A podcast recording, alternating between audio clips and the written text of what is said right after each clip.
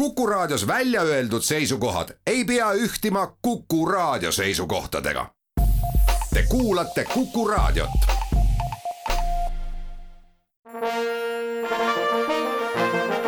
Vanemuise veerand. tere kõigile teile, head Kuku raadio kuulajad. täna on saates külas kaks külalist. tere, Kris Leinatamm. tere. tere, Martin Sildus. tere. mina olen saatejuht Tiia Rööp. Alates seitsmendast jaanuarist toimub seitse muusikaalikontserti Memory kaks tuhat kakskümmend kaks. kontserdid leiavad aset Tartus, Viljandis, Paides, Tallinnas, Jõhvis ja Pärnus. Vanemuine on teada andnud, et Memory kaks tuhat kakskümmend kaks on viimane Memory kontserdite sarjast. kas võib loota, et senise ülesehitusega muusikalikontserte, nii nagu Memory siiani on olnud, enam ei toimu ja tuleb mingi teistsugune muusikalikontsert, oskate te vastata sellele?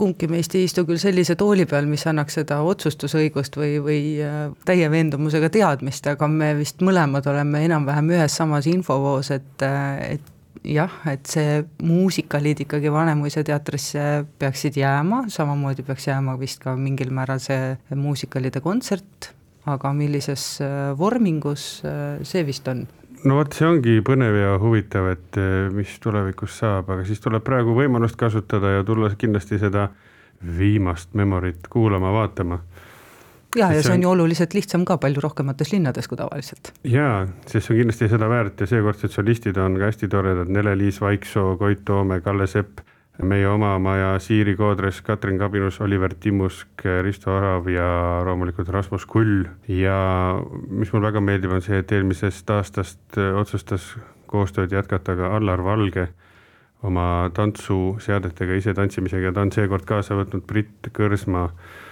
et äh, ma loodan, et see annab publikule palju juurde, sest on ju muusikaalimaailmas see tants väga-väga tähtis. aga nüüd, kui rääkida sellest, kas Memory, see muusikalikontsert, kas ta jätkub, muutub, jah, seda näitab tulevik, praegu täpselt ei saa midagi öelda. Võtame kõigepealt ette need Memory kontserdid. Kolm osalejat jätsid sa täiesti äh, nimetamata. Martin Sildos, Vanemuise sümfooniaorkester ja Vanemuise koor. õige. Martin, sa oled dirigeerinud Memory kontserte alates kahe tuhande viieteistkümnendast aastast, kaks tuhat kuusteist. Panid sina esimest korda Memory kontserdi kava kokku. Kris, sinu seos Memory kontsertidega on emotsionaalsem. kindlasti. milline on teie jaoks Memory kontserdite väärtus? no minu jaoks on ta juba seoses pealkirjaga ajas muutunud et äh, kuni aastani kaks tuhat neliteist oli ta Memory kontsert, kui Vanemuise nii-öelda väga filigraanselt kokku pandud äh, muusikalide siis selline treiler või, või popurii, mis oli alati väga-väga hästi tehtud ja mis oli äh, väga mitmete osatäitjate tõttu selline vaatamisväärsus omaette, alates kahe tuhande viieteistkümnendast aastast, kui ma pidin omaenda isa seal pildi peal vaatama, siis, siis ta on pigem jah, mulle sellise nii-öelda mälestuse mälestuse emotsiooniga rohkem. aga kindlasti mitte, mitte üldse mitte vähem oluline minu jaoks. aga oskad sa öelda, mis utsitas Tarmot seda Memory kontserti üldse alustama, et miks lisaks sellele, et see, selle üks nagu see põhijoon on see, et tutvustada uusi tükke, anda artistidele võimalust ja olla lihtsalt glamuurne, aga kas sa tead, mis ta nagu mingi isiklik moment sellega oli või? eks ta oli ju tegelikult Padu muusikali usku ja mis siis, et ta küll salamisi tahtis ka olla nii-öelda su suuremate ja tõsisemate asjade dirigent, aga noh, sa oma loomuse vastu ei saa, et ta lihtsalt nii hästi sobis sinna ja tulebki teha ju seda, mida sa hästi teed. ja Memory oli tegelikult üks, üks võimalus tõesti nii teatrile kui ka teatrile siis kutsuda rohkem külalisi äh, muusikale vaatama ja seda žanrit tutvustada, aga isale ka kindlasti äh, hea võimalus hästi palju erinevat äh, muusikat ühe sama kontserdi sees teha ja teine asi, mis oli isa jaoks väga-väga tähtis, mille osa oled ka sina saanud, Martin, on see, et tal oli lihtsalt missioonitunne anda noortele võimalust. sest kui ma vaatan kas või kes on läbi aegade olnud kavade peal, siis reeglina on need olnud ikkagi noored tegijad, välja arvatud siis nüüd äh, paaril juhtumil, kus ühe, ma ei mäleta, mis aasta see oli, kaks tuhat üheksa vist oli kava peal Aivar Tomingas ja Hannes Kaljujärv, kahekesi kaks vana korüfeed, ükskord on olnud seal äh, Tõnis Mägi, mis oli siis nii-öelda Memory läbilõige siis erinevate aastate Memoritest, minu meelest oli see kaks tuhat kaksteist ja kahe tuhande kas äh, kümnendal või üheteistkümnendal aastal oli Eesti eri, et need on sellised kolm nii-öelda niisugust natukene võib-olla erilist projekti olnud, aga aga muidu on seal ikkagi olnud ju Liisi Koikson siis, kui teda tutvustati nii-öelda muusikamaailmale, muusikalimaailmale, mitte muusikamaailmale. aga just sellesse žanrisse toomise, see mõte oli tal, sest ta tõi ju tegelikult muusikali lavale väga palju noori Eesti andekaid, äärmiselt andekaid lauljaid ja ühe väga andeka dirigendi ka näed ja selle eest ma olen talle väga tänulik, sest tema konkreetselt kutsus mind ja esimene tükk, mida ma Muusikateatris juhatasin, oli Evita. ja mm -hmm. siin sellel memoril olen pannud kokku ka siukse natuke pikema ploki just Evita muusikast, kuna siin on Kalle Sepp, kellel oli ka see esimene Muusikateatri tükk, mida üldse teha ja siis Nelenis Vaiksooga nad seal koos hurmurtsevad niimoodi laval.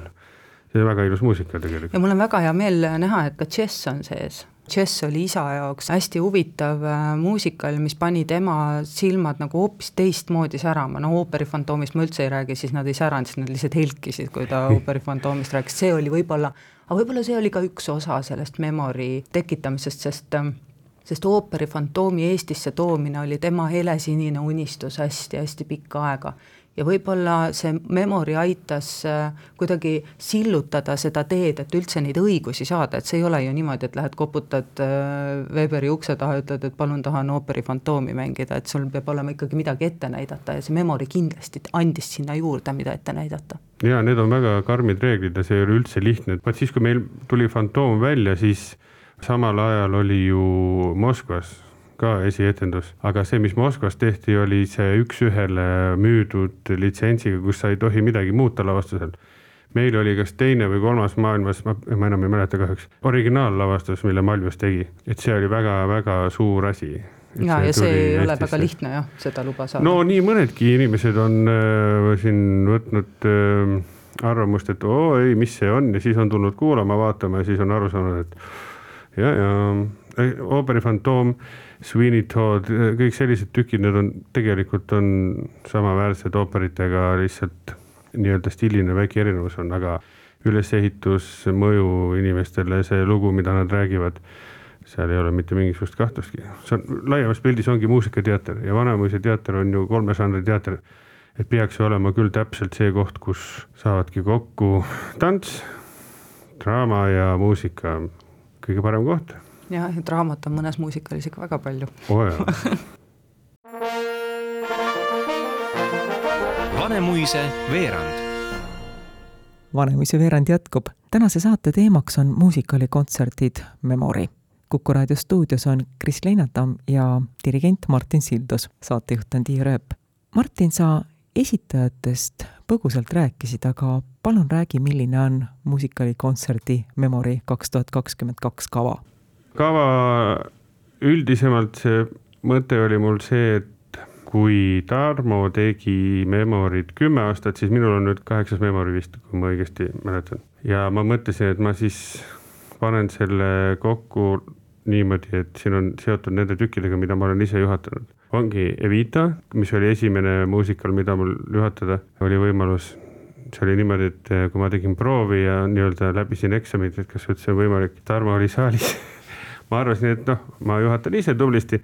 siis pärast räägiti, et kui mingi koht oli natuke teistmoodi, mis varem oli, siis Tarmo tõusis püsti, hakkas ise aktiivselt vehkima saalis mina seda ei näinud sellel hetkel aga Kalle mulle rääkis siin hiljuti seda, siis sain mõiata.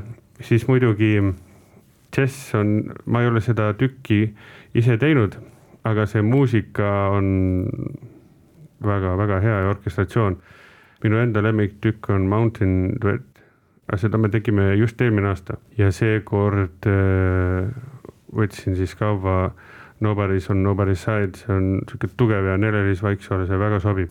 no minu meelest on see väga tugev ja siukene äh, väga hea lugu. Mm.. samuti ooperi Fantoomist paar numbrit, kuna see oli siis esimene tükk, kus ma põhimõtteliselt teengi selle tüki lavale, sest Tarmo kahjuks siis enam väga nagu, ta tegi niimoodi, et kui meil oli esimene proov siis tema istus ja siis ütles mulle, et no minge, minge tehke. ja siis ma hakkasin proovi läbi viima koos solistidega. ja siis äh, ma nimesid ei maini, aga pakkusin ühe idee seal muusikalise välja ja siis üks solistidest hakkas kohe vastu vaidlema. siis Tarmo ütles. ei, tegelikult on Martinil õigus ja rohkem ei olnud mitte üksi, mitte ühtegi vastuvaidlemist terve selle tsükli jooksul.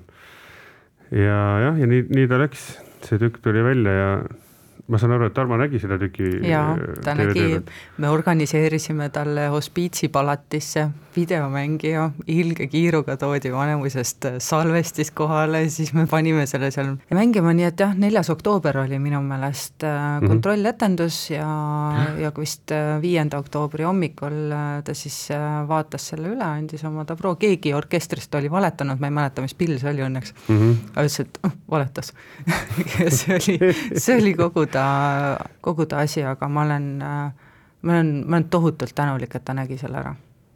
tohutult tänulik. see oli tema jaoks nagu tõesti nagu elutöö tegelikult ja sul on väga head asjad valitud sinna selle aasta kontserdile ja siis noh, kui me sealt läheme edasi, no ei saa ümber hüljatutest, mis oli ka täiesti suur fenomenaalne teos, mis tuli Vanemuisesse seal oli isegi kõhklusi, et kas teha üldse seda, et tänu Paavo Nõgenesele, kes oli siis veel seal nõukogus, siis äh, ta andis siukse soovitava vihje, et seda tükki võiks teha küll. ja noh, see sobib Vanemuise teatrile ju ideaalselt ooperikoor ja orkester ja, ja sealt edasi minu enda see kulminatsioon selles žanris oli kindlasti Sweeney Todd. see on üks kõige läbi komponeeritum tükki üldse, mis äh, ma olen siiamaani nagu muusikalimaailmas näinud ja artistidele kõigile see väga meeldis ja selle etendused me saime ka nüüd õnneks kogu selle koroona kiuste saime ikkagi tuua publikuni ja ma ei tea, need etendused, mida mina juhatasin, oli kõik saal rahvas püsti plaksutas, väga õnnelik ja rõõmus oli ja artistid ise olid ka väga rahul. sul on siis... Jesus Christ ka sees? jah, aga sina oled siis Jesus't ka juhatanud või? ja Jesus Christ on lihtsalt ähm, selline no alustala selles žanris, see on selline klassika ja legendaarne tükk, et ähm, ma olen vist praktiliselt igal memory kaval, kus ma olen teinud, olen võtnud sealt tükist, sest sealt tuleb teha, kasvõi see avamäng üksinda on nii lahe.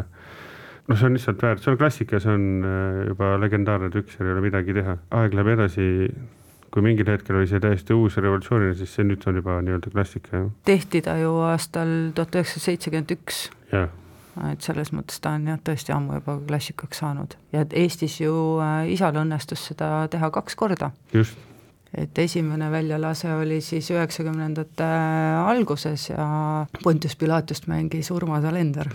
no vot, no vot. ja siis ta tuli professionaalsesse teatrisse Martini lemmikud sinu vastusest kõlasid läbi, raadiokuulaja saab aimu, milline on sinu muusikamaitse. Kris, mis on sinu jaoks kõige, kõige muusikali hitt?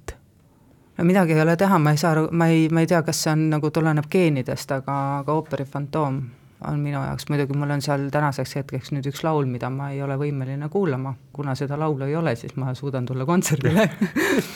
On äh, siis äh, isa laul.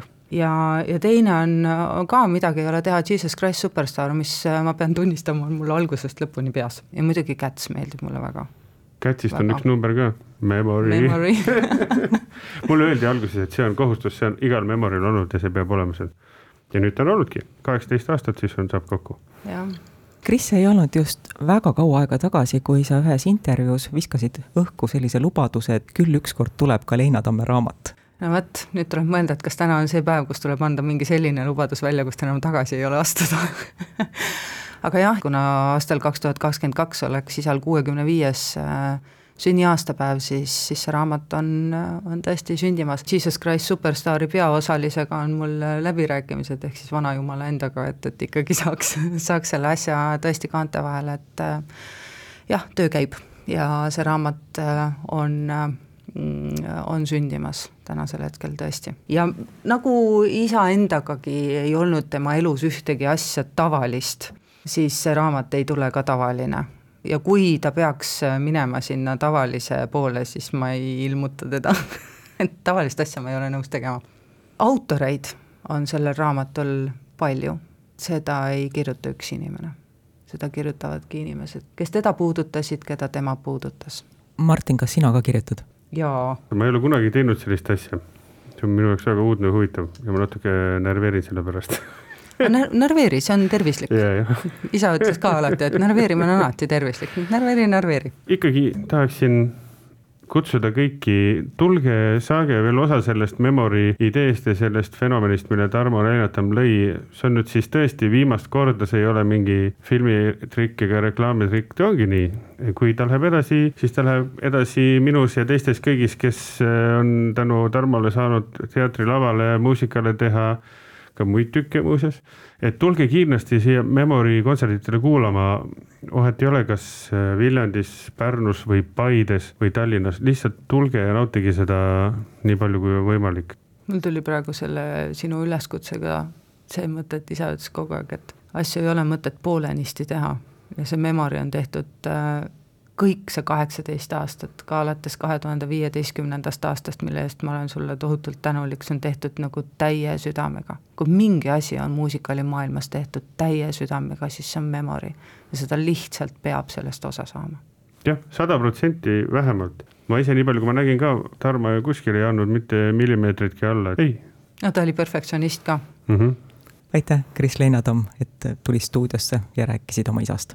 suur aitäh kutsumast aitäh, dirigent Martin Sildos, suur tänu sulle! palun! aitäh kõigile kuulajatele, jälle kuulmiseni! Vanemuise veerand